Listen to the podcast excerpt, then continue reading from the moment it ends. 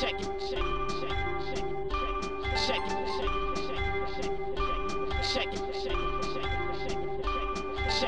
Zapraszamy na kolejny odcinek podcastu Codrive.pl, a w nim żonobijki, shorty i spódniczki odpadają. Jaki dress code będzie obowiązywał podczas Grand Prix Arabii Saudyjskiej? Błyskawicznie przenosimy się do Stanów Zjednoczonych. Formuła 1 wraca na tor, który uwielbiają kierowcy. Analizujemy sytuację w tabeli Mistrzostw Świata na kilka rund przed końcem sezonu. Mercedes czy Red Bull, McLaren czy Ferrari, aż w końcu Carlos Sainz czy Charles Leclerc. Adrian Newey wraca do Red Bulla po kontuzji. Jest szansa na poprawę performance'u bolidu Maxa Verstappena? Opowiadamy także o kulisach Grand Prix Stanów Zjednoczonych. Jakim miastem jest Austin? Czy czuć rednecki klimat? A na koniec ponownie mówimy o Tymku Kucharczyku. Młody Polak zwyciężył przedsezonowe testy Formuły 4. Wygrał stypendium na cały rok startów w hiszpańskiej serii. Zapraszamy!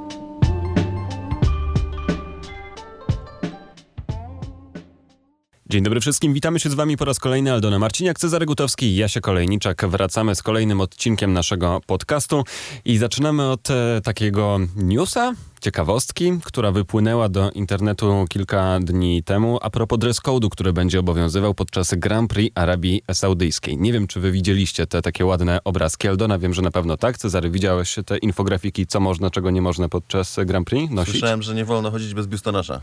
E, między innymi, ale też e, co do tej męskiej części, to nie możemy chodzić z gołym brzuchem, tak jak to na plaży polskiej, więc to nie przejdzie. Krótkie spodnie e, również odpadają, dziury w jeansach nie są akceptowane, takie bezrękawniki, że wiecie, tak zwane żonobijki, to nie, nie, nie, nie, to też się nie uda. No i krótkie spodnie, to już powiedziałem, tyle co do mężczyzn. No a panie również muszą być całe zakryte, długie, wszystkie takie suknie. Czepka głowy do tego, do, rozumiem, do stóp, także panie Tak, z Europy. tak, tak, ale twarz może być e, odkryta. Ważne, żeby pozostałe A. części ciała były wszystkie zakryte. Nie mam tutaj nic a propos obuwia. Jestem ciekaw, czy e, tutaj też będzie jakaś ingerencja, czy stopy mogą być odkryte. Moim zdaniem za kuboty będą obcinać palce. O, A za kroksy to Jezus Maria. To już w ogóle nie wiadomo co. E, znaczy tak, to e, dobrze. Pośmialiśmy się, zaraz się jeszcze pośmiejemy, a teraz powiedzmy o co w tym wszystkim chodzi. Sprawa zaczęła się od e, team managera zespołu Prema Racing, który e, to zespół startuje w Formule 2. Formuła 2 ma jeszcze dwa wyścigi, znaczy dwa wyścigi, dwa miejsca do odwiedzenia w tym roku, czyli właśnie Juddę i potem e, na koniec kończy sezon w Abu Zabi. E, I pan e, Capietto podzielił się na Twitterze grafikami właśnie, które, jak mówi, otrzymali jako zespół dotyczące dress code'u ich, członków ich zespołu, a więc tych wszystkich ludzi, którzy znamy, nie wiem, oficerów prasowych, osób, osoby od cateringu, biura, mechanicy itd., itd. E, Te wszystkie zasady, o których mówi Jasiek, mają tam obowiązywać. E, Nie minęło 24 godziny, a pan Capietto tweeta swojego usunął. Generalnie Więc- zniknął. Okazuje się, że nigdy go nie było. czyli to prawda, czy nieprawda? O, Nałożyły się, to jest te, te efekt Ne- Nelsona Mandeli, to jest tak zwany, czyli jakby uznaje się, że e, Nelson Mandela zmarł, zdaje się, śmiercią naturalną, no, natomiast są setki tysięcy osób, które uważają, że zmarł w więzieniu i to są jakby, nakładają się nasze wymiary naszych symulacji dwóch różnych, złączone w naszej jednej symulacji, w której jesteśmy, w naszym matryk, Matrixie. Czyli jakby Cezary, e, pan Capieri jest tak, bo ja nie znam pan, pana Capie, pan Pieto. Pan, pan Capieto, przepraszam. Wyście znali pana Capieto, natomiast w mojej symulacji go nie było i teraz one się zlepiają i de facto tego tweeta nigdy nie było w mojej rzeczywistości, w moim Matrixie. No w każdym razie ktoś chyba, e, tak, ktoś chyba porozmawiał z panem Capieto. Bo Poważnie. Bardzo poważnie, bo pan Capieto tweeta usunął i no i teraz już nie wiadomo jak się ubrać, no. Jeżeli ktoś nie zachował tej grafiki, to nagle, to nagle wiecie, no ja, ja jestem... internet niczego nie zapomina. Tak, ja jestem zagubiona, no nie mogę, nie mogę w bikini, no jak toż? To się Na przekłada wyścigu? na to, moi mini, że w, ponoć Saudyjczycy chcą kupić całą Formułę 1. Mo- Są takie e, wiadomości. Ich stać prawda, na włożenie każdej dowolnej kwoty na świecie, ponieważ posiadają absurdalne ilości pieniędzy sprzedając ropę naftową, szczególnie przy obecnej cenie. Więc mówi się, że chcą kupić Formułę 1 i taki dress code będzie obowiązywał teraz w każdym e, padoku, podczas każdego wyścigu. Nie, nie słyszeliście? Taki będzie założony w sensie, że ten, że No dobra, a teraz jeszcze... będą za, za, za bramkami padoku będzie stał pan taki z pieńkiem i z taką szablą arabską i jak ktoś na przykład wejdzie z gołą piętą, no to będzie jak w kopciuszku, że i będzie I pięty nie ma. i, i pięty nie ma. No dobra, a teraz znowu tak na poważnie. Ja nie, nie, nie, nie rozumiem całego oburzenia wokół tego, czy, czy śmiechawek, czy coś, bo nie jest to nic nadzwyczajnego. E, to, jest, to jest normalna, tak naprawdę sprowadza się to do, do, jeśli chodzi o kobiety, sprowadza się to do zasady zakryj ramiona, zakryj kolana, nie bądź w głębokim dekolcie. Koniec, kropka. Co do facetów, no okej, no nie bądź półnago i nie bądź w bokserce. E, I... Ale Ale spodniach też kolan, nie można tak, chodzić. Krótkich spodniach No dobrze, no to, no to, no to krótkie, krótkie spodnie. Ty w Emiratach Arabskich chodziłeś w krótkich spodenkach? Nie chodziłeś. Zawsze chodziłeś w spodenkach, nawet jeżeli nie pełnych, to takich zakrywających kolano. No bo ja generalnie tak mam co do siebie, że chodzę, ale na przykład w spodniach, które mają dziury, to chodziłem, a teraz nie będę mógł chodzić w spodniach, które mają Musisz dziury. zaszyć. Możesz chodzić tylko w tych Maria. spodniach, które mają te dziury, które powstaną jakby w wyniku kontaktu z miejscowymi... Się uparłeś, no. Nie, nie, to oczywiście co kraj to obyczaj, tak? I tutaj trzeba to szanować. Natomiast z tych obyczajów arabskich to mi się inna przypomina historia prosto z padoku. Nie wiem, czy, czy słyszałaś, jak to było opowiadane, e, jak e, jeden e, mechanik, to były wyścigi samochodów GT, chyba A, Porsche. to, mhm. I mm, Arabia Saudyjska mm, graniczy i z Emiratami, i z Katarem, i z Bahrajnem, więc nie pamiętam z którego toru dokładnie ten samochód był odwożony do domu kierowcy, który był z Arabii Saudyjskiej. I nieopatrznie po podium, to musiał być chyba Bahrajn, bo w Bahrajnie, w którymś kraju można polewać szampanem. Y, Był włożony do samochodu butelka, nie, nie, nie do końca pusta po szampanie, potem jak celebrowali, jak rozrywali na samochodzie. I zatrzymali po prostu na kontrolę ten samochód, y, człowieka, który go wiózł. I tam nie było wytłumaczenia, w sensie, że po prostu go zaaresztowali, wymierzyli mu karę 20 batów na tej zasadzie, że najpierw dali mu 10, on oczywiście tego nie wytrzymał i, i zemdlał, potem go przeleczyli, potem dostał drugie 10 i wywalili go za granicę kraju, więc wydaje mi się, że największym zagrożeniem to jest to, żeby ktoś przypadkiem jakiejś tam tej, nie przewiózł, chociaż teraz chyba w Polsce nielegalne są już małpki, tak? Słyszałem, że się wycofano z, ze sprzedaży Tak? Jak ma to? małe pojemności, tak, w To ramach... coś z akcyzą Nie, jest no związanego, ty. ale to, to, to, to inna kwestia. Ale to Tydzień znaczy... temu kupowałam małpkę. A, okej. Nie no, ja To to, codziennie było. w drodze To do roboty jeszcze byłam. No, na Biedrze zrobił zapasy. E, więc de facto jakby robienie jakichś na przykład zakupów, jak się będzie, nie wiem, strefa wolnocłowa, dobra, na lotnisku, to raczej, raczej nie, nie będę wiózł whisky do domu przez Arabię Saudyjską, bo, bo nie chciałem dostać 20 batów. Ale E, wiecie, bo ja jestem z Polski i za bardzo nie znam się na obyczajach krajów arabskich, ale to wiąże się z tym, że ceremonia będzie wyglądała wręczenia nagród inaczej niż zwykle i ten szampan mm, będzie trochę inny. Nie będzie szampana. Szampana po prostu jest... Ale to, to tak jak w Woda tak gazowana. bywa. Tak, tak, że jest specjalny Oczywiście. napój gazowany, więc y, przynajmniej Przecież- na Formule 1 tak było, jak tak. zdaje się z Bahrajnem, że... Rozpaczki miego Rayconena, jak przed na podium, a tu... Sok jabłkowy. Były takie szampany takie dla dzieci. W ogóle też produkty. Nie, nie, niezły pomysł w sumie. Szampan dla dzieci, nie? Tam jeszcze Można. bez alkoholu, ale jak podrośniesz, będziesz już mógł tak. łoić. Także słuchajcie, no nie jest to, naprawdę, ja ogóle, ja kompletnie nie mam z tym żadnego, żadnego problemu. W e, Emiratach e, zawsze e, podczas wyścigu ubierałam się zgodnie z, zgodnie z tym, nawet jeżeli nie jest to może szczególnie przestrzegane, to ja się po prostu czuję lepiej. Jeżeli jadąc do jakiegoś miejsca, które ma określoną kulturę, określone obyczaje, określoną religię, które nie są moje, i nawet mogę się z tym, mogę się z tym nie zgadzać, mogę się z tym, mogę się z tym spierać, no to jednak ja tam jestem gościem, a oni są u siebie. I to jest, y, i to jest mój obowiązek się do tego dostosować. I tak samo odwrotnie. No nie wyobrażam sobie, żeby oni przyjechali do, do Warszawy i, i chcieli mnie ten e, nie wiem co, zamknąć, bo, bo będę iść z kimś za rękę albo coś takiego. No, no nie. Więc skoro my jedziemy tam, my jesteśmy gośćmi, to ja zakładam długie spódnice, długie rękawy i nie mam z tym żadnego problemu. Nie ma co tutaj robić oto cyrków. No ale oni mają trochę, wiesz, to chodzi o bardziej kwestie praktyczne, szczególnie jeśli chodzi o mechaników, którzy siedzą cały dzień Właśnie na to torze, chciałem którzy wywołać. pracują przy samochodach i oni nie chcą raczej cały dzień siedzieć w długich spodniach, yy, tylko no... Znaczy, bo podczas wyścigu, kwalifikacji to wiadomo, że oni są ubrani w, najczęściej w kombinezony, tak, w kaski. Podczas tych zawodniczych e, sesji to wszystko funkcjonuje zgodnie z bezpieczeństwem, ale podczas treningów często widzimy, jak mechanicy trenują wymianę kół, no i często to są krótkie rękawki, krótkie spodnie i e, tam jest trochę większy luz w tym, z tym związany, więc się zastanawiam, czy po prostu cały weekend będą siedzieć w kombinezonach.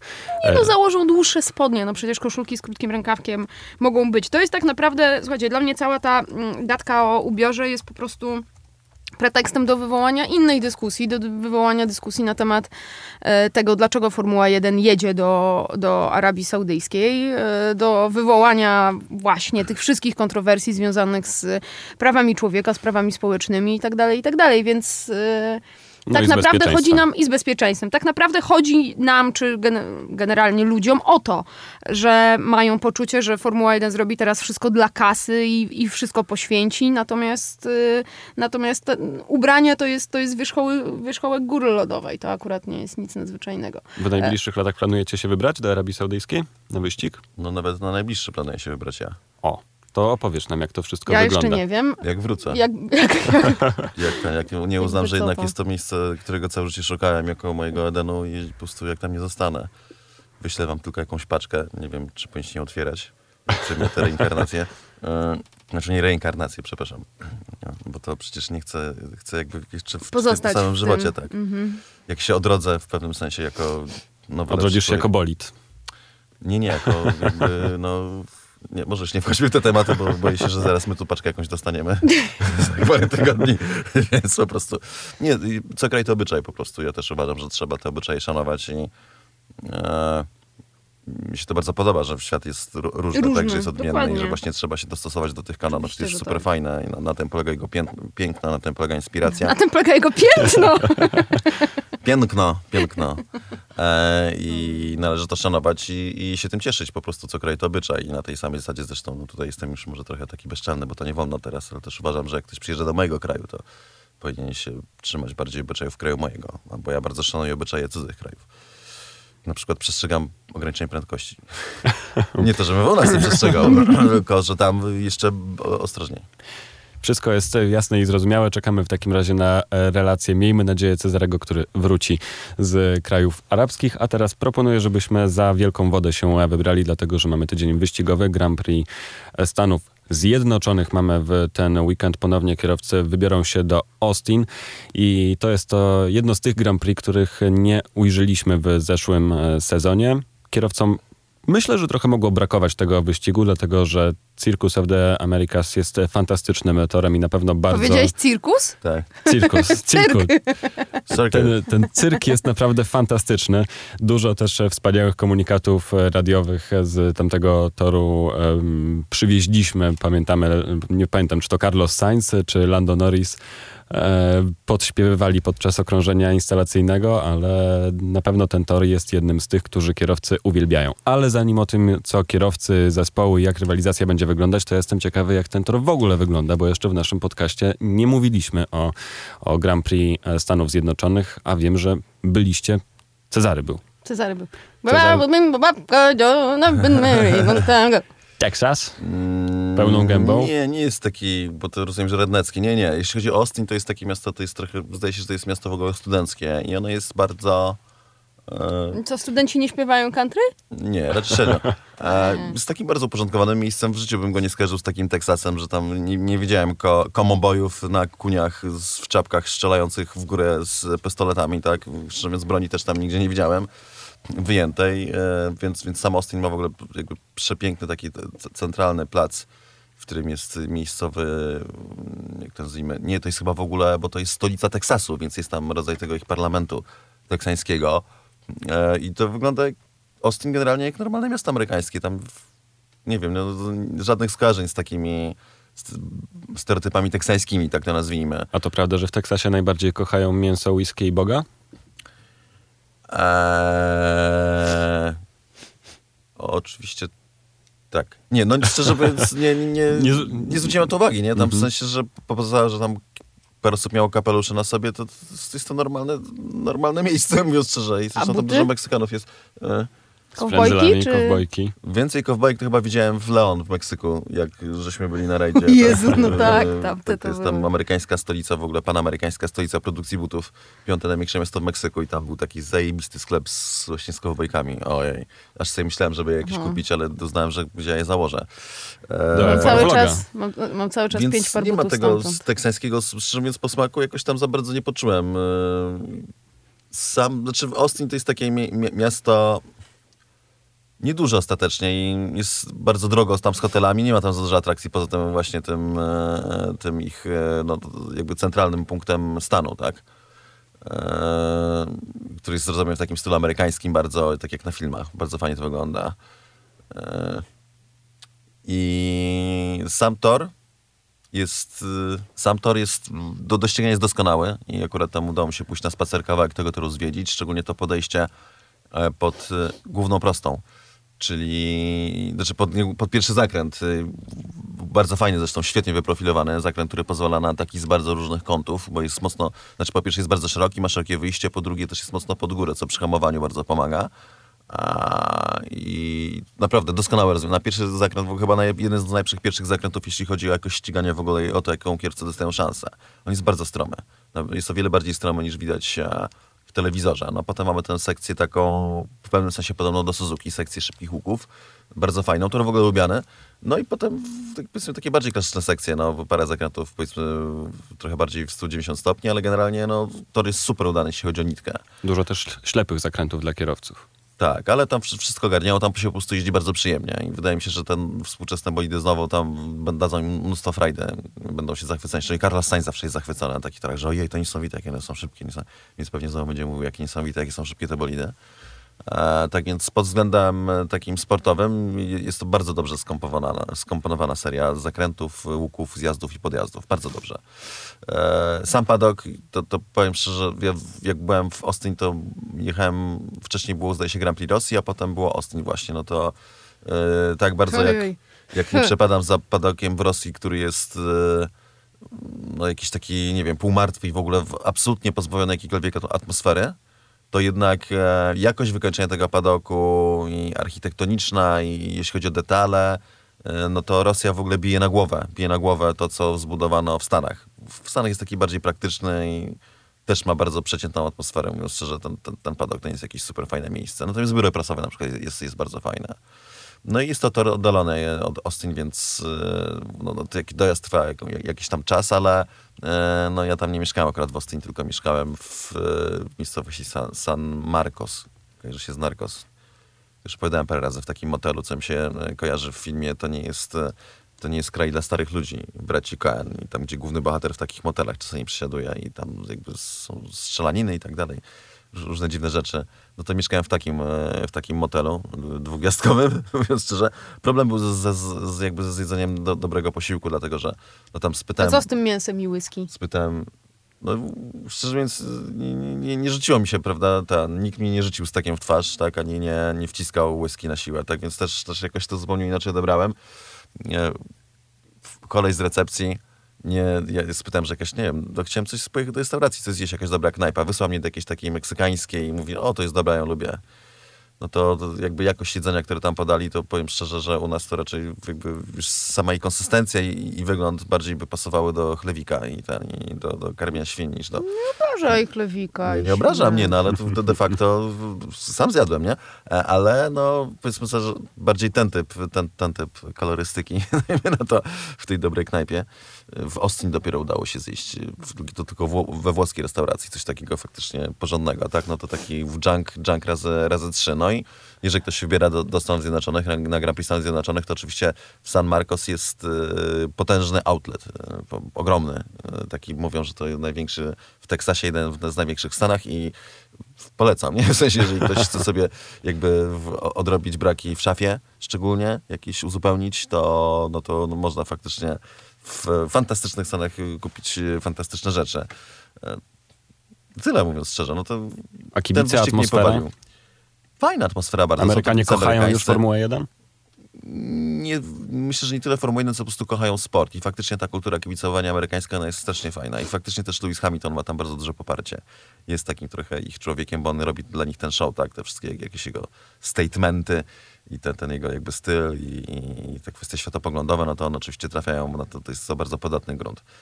E, mi- Mimo, że jakby część tych stwierdzeń jest, jest jakby zahaczona o absolutnie nieprawdziwe stwierdzenia, typu tak, on się ten, że ja z getta tutaj jestem, nie, nie jest z getta, tak, czy gnębiony całe życie za kolor, kolejne kłamstwo, bo nie był gnębiony całe życie za kolor. E, więc, e, więc, więc no powiedzmy, ale to trafiło na ten grunt i, i faktycznie no, kibice amerykańscy są super. Nawet jeżeli Formuły 1 tak dobrze nie znają nie rozumieją, no to faktycznie strasznie fajnie ją przeżywają. Więc pod tym względem jest to, jest to mega fajne miejsce, ale no, gdybym miał wybrać jakąś swoją listę ulubionych wyścigów, na które, na które jeżdżę na świecie, to z całą pewnością nie znajdzie się tam e, Grand Prix Stanów Zjednoczonych w Austin. Prędzej już strzelam, że będzie to Miami, gdzie no, akurat w Miami miałem przyjemność być w tym roku, jak jechałem na Daytonę, na wyścig Roberta.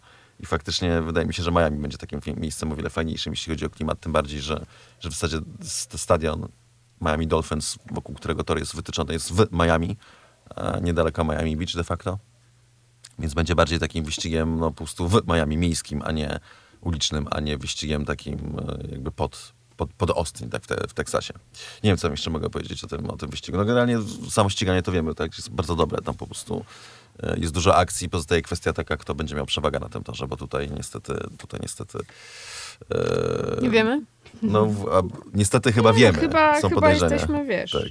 jesteśmy w tej kwestii Team Mercedes i Team Lewis Hamilton, który zawsze na tym torze sobie radził znakomicie i no, wszystko wskazuje na to, że tutaj Mercedes też będzie miał przewagę. Ostatnio przed Turcją nam się sprawdziły takie przewidywania. Ale myślicie, że tegoroczny Red Bull nie będzie miał e, tutaj, że to będą takie różnice jak właśnie Turcja czy Barcelona? Czy jednak e, liczymy bardziej, tak jak mówiliśmy przed Francją, że Mercedes teoretycznie jest szybszy, ale być może Red Bull będzie w stanie doskoczyć? No nie da się tego porównać, dlatego że, że jesteśmy jakby w innym punkcie sezonu i to się nie opiera e, o to, jak wyglądała, e, jak wyglądała różnica układu sił pomiędzy Red Bullem a Mercedesem we Francji, tylko opiera się o to, jak wygląda teraz. Teraz Mercedes absolutnie zrobił bardzo duży skok do przodu, co przyznają wszyscy i łącznie też z samym Mercedesem. To nie bawi, bo jakaś czytelniczka mi napisała pod komentem, e, czy koment pod, po, po, pod ten, bo też od dłuższego czasu widać, że, ten, że to nieprawda, tutaj konfabulujesz, to Verstappen ma lepszy samochód, to biedny Lewis musi walczyć z tym Verstappenem niedobrym i tak wszyscy, łącznie z Mercedesem już po ostatnim wyścigu stwierdzają, że jednak Mercedes ma przewagę. E, I faktycznie takie, no to było widać i, i tak jest. Być może ona nie będzie widoczna na wszystkich torach, natomiast no, w Stanach ona powinna być widoczna, dlatego że e, że ta przewaga prze- wynika głównie z prostych, e, z przyspieszenia Mercedesa. No, łuki będą prawdopodobnie sprzyjały bardziej Red Bullowi, plus na ratunek przychodzi Adrian Newey po, po, po kontuzji, więc może, może w tych łukach będą nadrabiać. Natomiast no, jest ta wielka niewiadoma e, długich prostych. Red Bull razem z Ferrari próbowali to jakoś wyjaśnić, że co się stało z Silverstone, że nagle Mercedes zyskuje tyle prędkości, skoro de facto nie można jej uzyskiwać poprzez korekty silnika spalinowego. Mercedes twierdzi, że oni oczywiście, że oni to po prostu y, wyciągnęli to e, na, na, jakieś inne sposoby, że, że inaczej używają tego samego silnika, co też może mieć, e, może być prawdziwe. I być może z tego się bierze fakt, że rozważają kolejną wymianę silnika spalinowego Luisa, co wydaje mi się też dobrym pomysłem z ich punktu widzenia, jeżeli faktycznie, no bo jeżeli są w stanie wyciągnąć takie e, osiągi i, i, nadrabiać pozycje mimo wymiany silnika, no to faktycznie być może lepiej jest już wyjść poza te limity i ten silnik po prostu jeszcze raz zmienić i, i dojeździć sezon tak do końca. Ciekawe jest, że dopiero teraz się to wydarzyło w erze hybrydowej, ale przy, przypuszczam, że dopiero teraz to się stało konieczne. Helmut Marko miał tutaj bardzo dobry strzał. Jak mi się wydaje, że powiedział, że Mercedes przez te wszystkie lata to jeździł tak, że przez odkręcał silnik tylko na kwalifikacje i przez 3 A, do 5 pierwszych okrążeń wyścigu, a potem sobie go skręcali i dojeżdżali do mety. A teraz e, Red Bull i Honda takich docisnęli, że musieli wyciskać z silnika e, 100% czy 99% na całym dystansie wyścigu i po tych latach okazało się, że na to Mercedes, jeśli chodzi o silnik spalinowy, nie jest przygotowany. Stąd też problemy z kompresją i tam jakieś luzy, nie luzy powstają i stąd ta konieczność wymieniania silników częstsza niż, e, niż było to wcześniej konieczne. I wydaje mi się, że to bardzo jest trafiona e, teoria. A w ogóle a propos Arabii Saudyjskiej i Mercedesa, to jeszcze nie wspomnieliśmy o plotce, której nie ma. Y, Wszyscy zaprzeczają, że Aramco, czyli saudyjska, e, saudyjski koncern paliwowy, miałby zostać sponsorem tytularnym Mercedesa. Już mamy e, oświadczenie i od Mercedesa, i od Petronasa, że nie, nie, nie, bo m, oczywiście Mercedes jest związany e, kontraktem z Petronasem, a więc malezyjską firmą, ale już e, zaprzeczają, że nie, nie, nie, nie ma mowy w ogóle o Aramco, bo e, jest e, Petronas odnowiony na wiele lat i tutaj wszystko cudownie, ale to a propos tego, co mówiłeś, że Saudyjczycy to mogą sobie właściwie całą Formułę 1 kupić, no to e, jakby z Mercedesem już tam były takie, były takie zakusy. E, Nie wiem, może kupią Petronasa w takim razie. No, A to jest to jest kolas w ogóle, ale to, to, to jest też bardzo ciekawe zjawisko, bo jak się jedzie do Malezji, to jego jest tam dużo i on jest faktycznie takim sponsorem narodowym, nie wiem, jakiś uniwersytet nawet ma swój, czy jakiś oddział sp- sponsoruje i jest dużo go po prostu. Widać, że mają taki duży wkład w funkcjonowanie kraju, jako, jako ten gigant petrochemiczny, y, miejscowy. No, wydaje mi się, że w, w tym momencie pałeczka jest po stronie Mercedesa i to też pokazała ta ogromna pewność siebie Luisa przed e, wyścigiem ostatnim, przed Turcją. Także widać było, już chyba o tym wspominałem, że wydawało mi się, że on tak to sobie, sobie fajnie w głowie ułożył i tak dalej, że Luis się zmienił i tutaj ma taką no, mistrzowskie podejście, że a on po prostu wiedział, że ma znowu przewagę i czuje się pewnie, bo to tylko na tym się opiera jego pewność siebie. Kiedy ma najlepszy samochód, to wtedy ta pewność siebie i radość z niego bije. Kiedy się obawia, że nie ma najlepszego bolidu, no to wtedy jakby ujawniają się te, ta strona nerwowa. Natomiast y, to jeszcze nie przekreśla szans Red Bulla, dlatego że, e, dlatego że jest wiele czynników, które mogą wpłynąć na rozwój tych mistrzostw świata mm, i na ich przebieg. Typu właśnie jakaś awaryjność, błędy, których Luis no, może teraz będzie mniej popełniał, bo znowu ma najszybszy bolid. Natomiast popełnia i popełnia ich dużo. Na razie be, bez większych konsekwencji, więc no to sprawa jeszcze nie jest stracona. Na- Natomiast na tym etapie, moim zdaniem, przy obecnym układzie sił, to, to przewaga leży ewidentnie po stronie Mercedesa i Hamiltona. E, natomiast jest jeszcze jeden czynnik Adriana Newey. Nie wiem, czy słyszeliście, co się wydarzyło Adrianowi. Co się wydarzyło Adrianowi? No wywrócił się na rowerze e, jakiś czas temu. Syndrom Alonso. Tak, z, z, zniknął e, Webera też, e, bo Weber miał też taki przypadek. I zniknął z radaru i dopiero jak już wrócił, to się okazało, przyznano, że faktycznie miał wypadek i że, że miał ponoć kilka operacji i wrócił i od razu znalazł jakieś problemy z ustawieniami Red Bulla, więc być może ten czynnik Newey'a jakoś pomoże z kolei wyciągnąć się Red Bullowi, ale i tak tutaj ostatecznie ta przewaga jest po stronie silników. No i mieliśmy całą historię, no to, chyba tego zacząłem, że Ferrari i Red Bull chcieli jakieś od FIA klaryfikacji, że jak to jest, że Mercedes nagle tyle zyskuje i podejrzewają, że jakiś tam Nie poddają przekrętów. się w tym. Tak, tak, właśnie, dokładnie, nie padają się w tym. Nadal składam zapytania, a moim zdaniem są naiwni, dlatego że ewidentnie reakcje FIA na to, co się dzieje w tym sezonie pokazują, że nie, nie chcę mówić o FIA całej, bo to jest nie fair wobec całej organizacji. To jest, tam jest dużo ludzi, jest tam dużo naprawdę świetnych, e, kompetentnych ludzi. Natomiast pewne osoby odpowiedzialne za takie decyzje w FIA ewidentnie, e, ewidentnie jakby e, widzą, że e, jeżeli są jakieś nieprawidłowości, to zawsze po stronie Red Bulla, e, a jeżeli są jakieś podejrzenia co do Mercedesa, to ich nigdy nie widzą. Więc, więc, no, tutaj e, wątpię, że będą nagle pojawił się werdykt, który, który w jakikolwiek sposób uszczupli szanse Louisa Hamiltona od strony e, mocodawców e, technicznych. Tak? Tu trzeba po prostu to trzeba rozegrać na torze, a nie, a nie w biurach technicznych FIA. Na Auto Motor und Sport e, Michael Schmidt napisał taką e, fajną analizę tego, e, co tam się dzieje. Zwrócił uwagę na to, że w Turcji Mercedes był szybszy z- na prostych z zamkniętym DRS-em niż Tak. Red Bull z otwartym. E, I że generalnie od Silverstone e, ta prędkość na prostych Mercedesa się bardzo poprawiła, ale mówimy tutaj nie tylko o Mercedesie, ale też o, e, o Williamsie czy o McLarenie, a więc o zespołach, które korzystają z silników Mercedesa. No i podejrzenie jest takie, że Mercedes gdzieś tutaj w jakiejś tej szarej strefie operuje i znalazł coś ekstra. Mercedes oczywiście zaprzecza, twierdząc, że to jest e, kwestia tego, że oni po prostu lepiej rozumieją Swój bolid, co było przezabawne. tak, swój bolid, czego, czy, co im nie wyszło na, na, na, samym początku sezonu. No a e, Red Bull jednak obawia się, że, że coś tutaj zostało zakombinowane, że tej mocy jest e, więcej. Więc Nie ma cudu. pierwsza, pierwsza, pierwsza reakcja FIA, tak jak mówisz, była negatywna, nie będą się tym zajmować, ale Red Bull się nie poddaje, chce pytać znowu. Ale za to James Allison cały czas podkreśla, że jego zdaniem to nieczysta prędkość zadecyduje o wyniku tych mistrzostw, bo jest bardzo dużo zmiennych wokół tego, takich jak właśnie pogoda, opony, kierowcy, wydarzenia różne losowe na torze. I zastanawiam się, czy jednym z tych wydarzeń, albo czy nie największym tak naprawdę nie jest Lewis Hamilton, który być może nie podoła temu wyzwaniu, no bo w końcu w Turcji mówicie, że z taką pewnością siebie jechał, ale no, w gruncie rzeczy ten wynik nie był dla niego jakiś super satysfakcjonujący, no bo mogło być więcej. No i sam Luis przecież mówił o tym, że mogło być lepiej. Mi się wydaje, że on ma powody wszelkie do zadowolenia. Akurat no, z Luisem to jest tak, jeżeli będzie miał przeświadczenie, że ma najszybszy boli, to on będzie miał przeświadczenie, jak go będzie miał, to wtedy raczej wszystko poklei, bo to jest jakby, jakby charakterystyka całej kariery Luisa. Tak? Jeżeli kiedy miał najszybszy bolid, no to wygrywał. Eee, choć też nie zawsze. No, no, no, początkowo bywały z tym problemy. kiedy nie miał, albo kiedy jego jakby kolega z ekipy został zlekceważony przez niego w 2016 roku, no to, no to przegrywał, tak? Kilka razy mu się zdarzyło przegrać z kolegą z ekipy, tak więc, e, tak więc to się zawsze będzie o to rozbijało. Tylko to jest za, zabawne, że, że tak teraz się mówi o tych innych czynnikach od strony Mercedesa. Przypuszczam, że gdyby Mercedes miał wolniejszy samochód, a Red Bull miałby szybsze boli, to wówczas by się okazało, że że jednak czynnikiem, tak, który ma to rozegrać, to będzie właśnie szybszy bolid Red Bulla, a nie, a nie pogoda i ten i układ ciał niebieskich.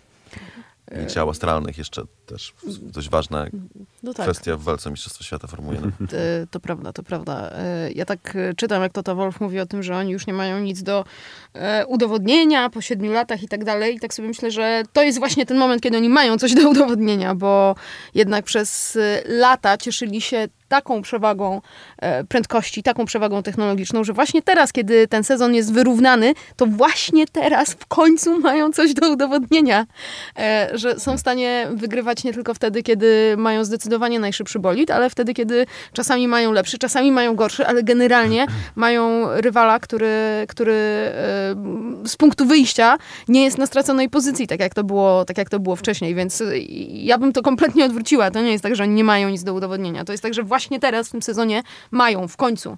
No ale co ty, przecież oni ci powiedzą, że te wszystkie poprzednie mistrzostwa to nie były łatwo zdobyte, że to była Ciężka ciężka, walka. walka. w znoju i w ogóle wcale Lewis nie miał łatwo. Miał bardzo, bardzo ciężko miał. Po prostu każde to mistrzostwo świata zostało wydarte z gardła jak pierwsze mistrzostwo mm, Michaela Schumachera albo Fernando Alonso. Oba, nie? To, to, to, to, Widzisz, nawet ty tego nie ustałeś i się zaśmiałeś. na nie, to jest absurd. Zostało ciężko wypracowane w garażu, po prostu. Oczywiście przez, nie, przez inżynierów, przez inżynierów, ale nie tylko, bo to, co tu dużo mówić, to, to się, ta Znaczy, wiesz, się to jest cały tak, że- czas ich zasługa, nie wolno im tego odbierać No nie, tutaj, tego uznania. Oczywiście odbieram, oni, tylko, oni że na to zapracowali, ale dokładnie, no, miejmy jakiś rozsądny ogląd sytuacji, co było trudne, a co trudne nie było, po prostu.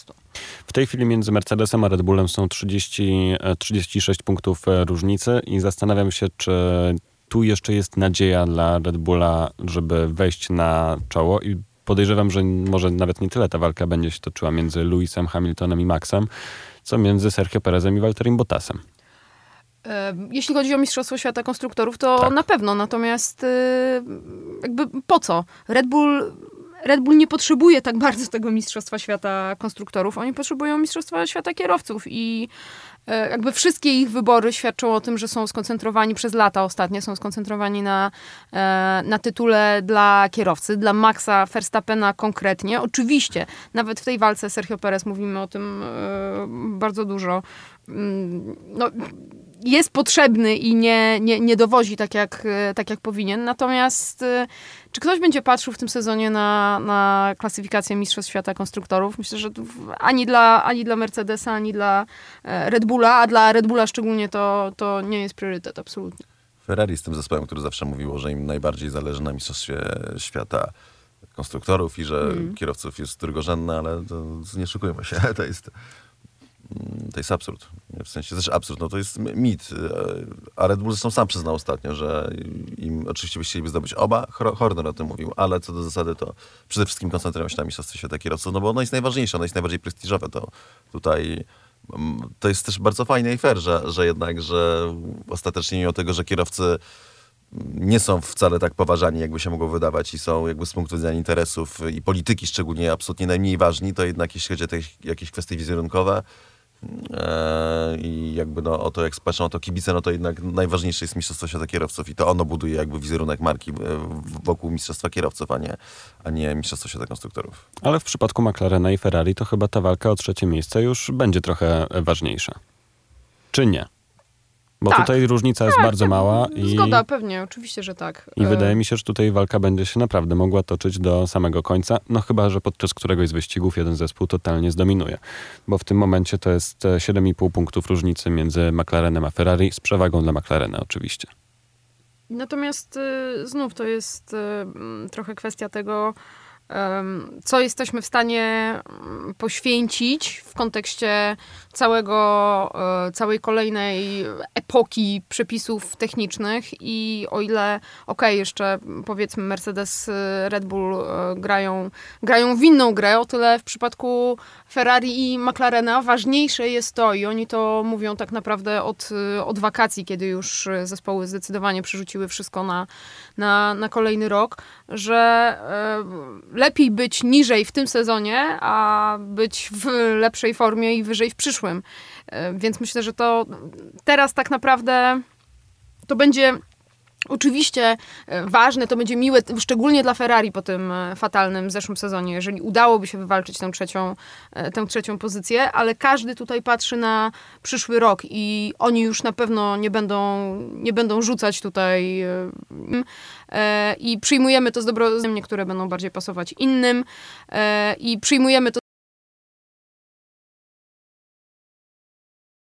z, dobro, z dobrodziejstwem inwentarza, bez, bez jakiejś e, panicznej walki o to, o to trzecie miejsce. Ale domyślam się, że jeżeli mielibyście obstawiać, to w tym momencie chyba raczej będziecie za McLarenem, tak samo jak za Mercedesem.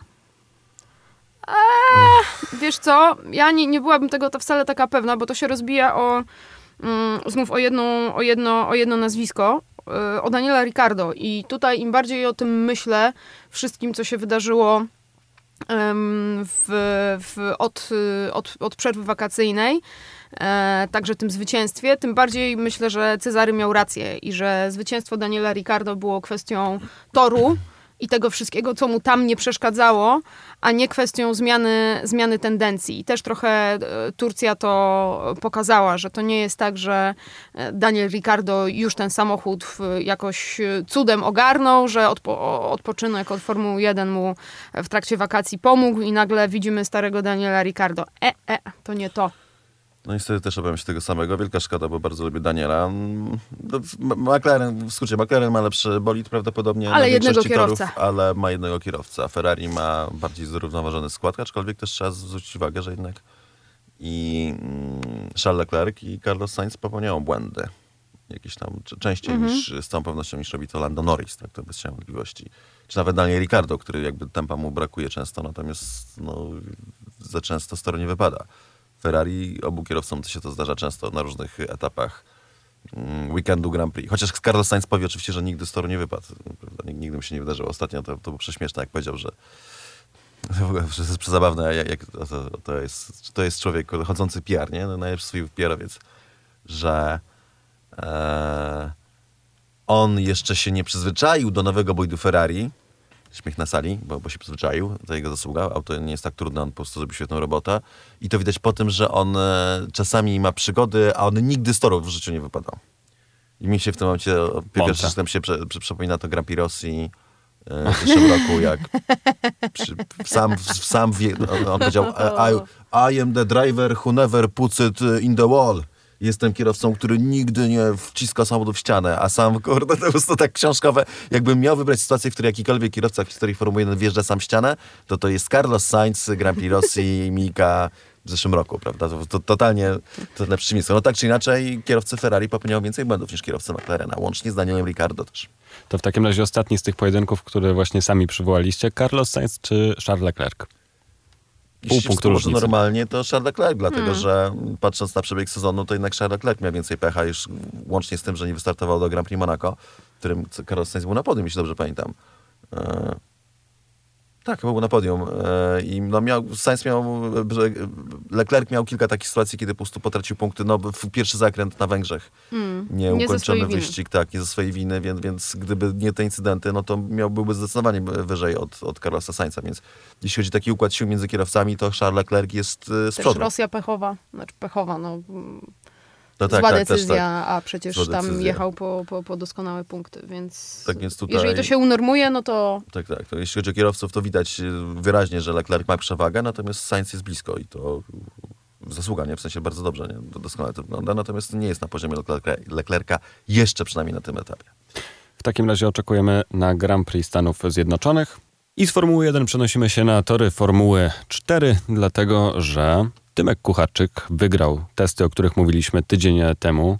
E, testy organizowane przez Richarda Milesa e, zostały prowadzone przez te kilka dni. Tymek był najszybszym kierowcą w, we wtorek. W poniedziałek pojawił się oficjalny komunikat już ze strony organizatora, że Tymek został właśnie zwycięzcą tych testów i w związku z czym będzie startował w przyszłym sezonie w zespole MP Motorsport właśnie w hiszpańskiej F4. Bardzo się rozpędza kariera Tymka, mam takie wrażenie.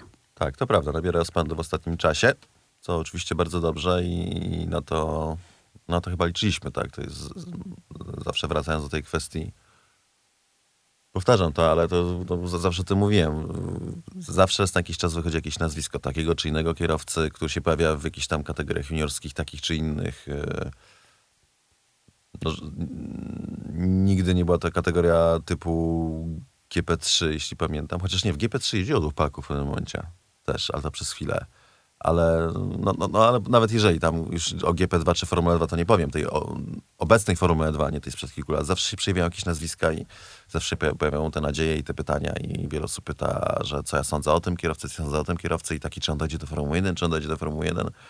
Mm, no ja mam zawsze taką odpowiedź, że no, dopóki nie poznam danego kierowcy osobiście po pierwsze, a po drugie nie zobaczę jak jeździ też osobiście, no to nie mogę za bardzo wysnuć jakichś miarodajnych opinii, tak? Bo, bo, bo, to się w dużej mierze kryje właśnie w charakterze kierowcy. Muszę, muszę naprawdę po chwilę pogadać, po, po zobaczyć, jak się zachowuje dany kierowca, ja osobiście, żeby, żeby mieć jakieś postawy do tego, żeby, żeby ocenić, jaki to jest typ człowieka. Czy to jest typ człowieka, który moim zdaniem, to podkreślę, e, na tę Formułę 1 się nadaje, czy na karierę Formuły 1 się nadaje. Natomiast to, co zawsze odpowiadałem ostatecznie, że moim zdaniem, jeżeli mamy mieć jakiegoś kierowcę, co do którego możemy liczyć, tak, trzymać kciuki, że będzie szedł do Formuły 1, czy się do niej zbliży chociażby, bo to można zrobić karierę w wyścigach samochodowych nie tylko w Formule 1 dużych, ale też w innych wyścigach samochodowych i my nie mamy, my tutaj marzymy o tym, żeby ktoś poszedł śladami Roberta Kubica, nie mamy żadnego kierowcy w, w świecie ogromnym sportu motorowego o level niżej w ogóle. E, który ciągle jest bardzo wysoki. Nawet tam za bardzo nie mamy reprezentantów na, na, na, na wysokim poziomie, więc o czym tutaj mówimy w ogóle. E, natomiast no, za, zawsze mów, mówiłem ostatecznie, że kierowcę, który e, ma szansę na to, żeby wejść na ten najwyższy poziom i wejść do Formuły 1, to zobaczymy nie na poziomie tego, że się nagle pojawia w jakiejś tam Formule 4, czy w jakichś dziwnych arabskich wyścigach, czy, czy jak nie wiem, w siódmej lidze Formuły 3, tylko zobaczymy go w kartingu włoskim naj, najlepiej, na najwyższym światowym poziomie. No i Tymek Kucharczyk jest kierowcą, który jeździ e, w kartingu włoskim na najwyższym poziomie. Mm, do tego jest jeszcze kierowcą oczywiście wspieranym przez, przez Roberta Kubicę. Jeździ na jego wózkach, jest też no, wspierany mentorsko. To jest coś, o czym sam mówił Tymek niedawno w wywiadzie. Więc no, absolutnie to jest właśnie to, nie? W sensie tu, tu, tutaj, tylko też znowu absolutnie nie wolno mówić tutaj, że o, już mamy Polaka w Formule 1, niech to tam rozwali wszystkich Formule 4, 3, 2 i... No nie, to jest bardzo długa droga, jest bardzo ciężka i ona jest bardzo ciężka ze względów stricte sportowych, żeby trafić do właściwych zespołów we właściwym czasie, na właściwy sprzęt. To jest bardzo trudne. Dlatego też jeżeli, no, trzymamy kciuki, ale jeżeli dajmy na to odpukać Tymek będzie miał trudny sezon pierwszy swój w tej Formule 4 hiszpańskiej, to nie będzie można mówić, że a, no w kartingu jeździł dobrze, a tu się jednak się okazuje, że, że bolidy nie są dla niego, bo to jakaś bzdura, nie? My po prostu musimy znać kontekst, musimy wiedzieć, jak to wygląda w środku. Te w wyścigach nie jest tak, że y, jak w większości innych sportów, że kierowca, co ma największy talent, czy najlepiej przygotowany, to wygrywa. To jest oparte, jest szereg innych bardzo wielu okoliczności, które pozwalają wygrywać w sporcie samochodowym i, i mnóstwo świetnych kierowców nie przeszło tego sita kategorii juniorskich. Nie jeden kierowca, który był od nich gorszy w Formuły 1 startował albo teraz startuje z różnych powodów, często finansowych, bo to teraz najprostszy sposób, żeby wejść do Formuły 1, to mieć wystarczająco dużo talentu i furę pieniędzy. To wtedy to wtedy po prostu tak wykształcisz kierowcę w kategoriach juniorskich y, najlepszych tak, żeby był wystarczająco dobry, umieścisz go w tych zespołach, w których będzie mógł się pokazać, bo to też przecież w kategoriach juniorskich tak działa, że, że jak masz jakby siłę przebicia finansową i polityczną, żeby się znaleźć w odpowiedniej ekipie, to tego kierowcę pokażesz, dlatego warto być juniorem Mercedesa, dajmy na to, czy juniorem Red Bulla, czy, czy, czy innych y, jakby programów jazdy mocniejszych, bo one ci umieszczają potem w samochodach odpowiedniej klasy. No przecież y, Teo Purcher jeździ w Arcie, tak? To jest z kolei tego w, francuski talent i, i, to jest Freda Wassera, y, pupil. E, Tak więc y, no, to jest bardzo ciężka droga, więc, ale przynajmniej mamy, kierowcę, który wydaje się, patrząc po, na, w kartingu, ma zadatki, że jeżeli dostanie odpowiednie poparcie albo trafi przynajmniej szczęśliwie na odpowiednie ekipy odpowiedni moment w czasie, to po prostu ten talent pokaże i będzie mógł się ubiegać o wejście do Formuły 1. Nie wejść do Formuły 1, tylko ubiegać się, zdobyć punkty na licencję, żeby wejść do Formuły 1. To już będzie ogromny wyczyn.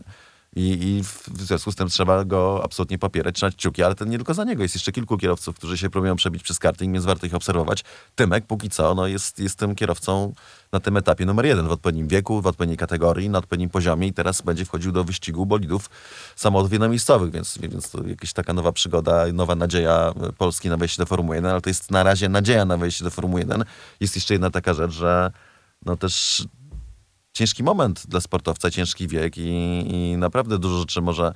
Ja zbyt wielu widziałem kierowców, którzy e, zaczęli osiągać jakiś w miarę dobry poziom na, na tym poziomie, na którym się ścigali, który był jeszcze bardzo odległy od poziomu Formuły 1, a już jakby zaczęło się wydawać, że są przyszłymi mistrzami świata Formuły 1.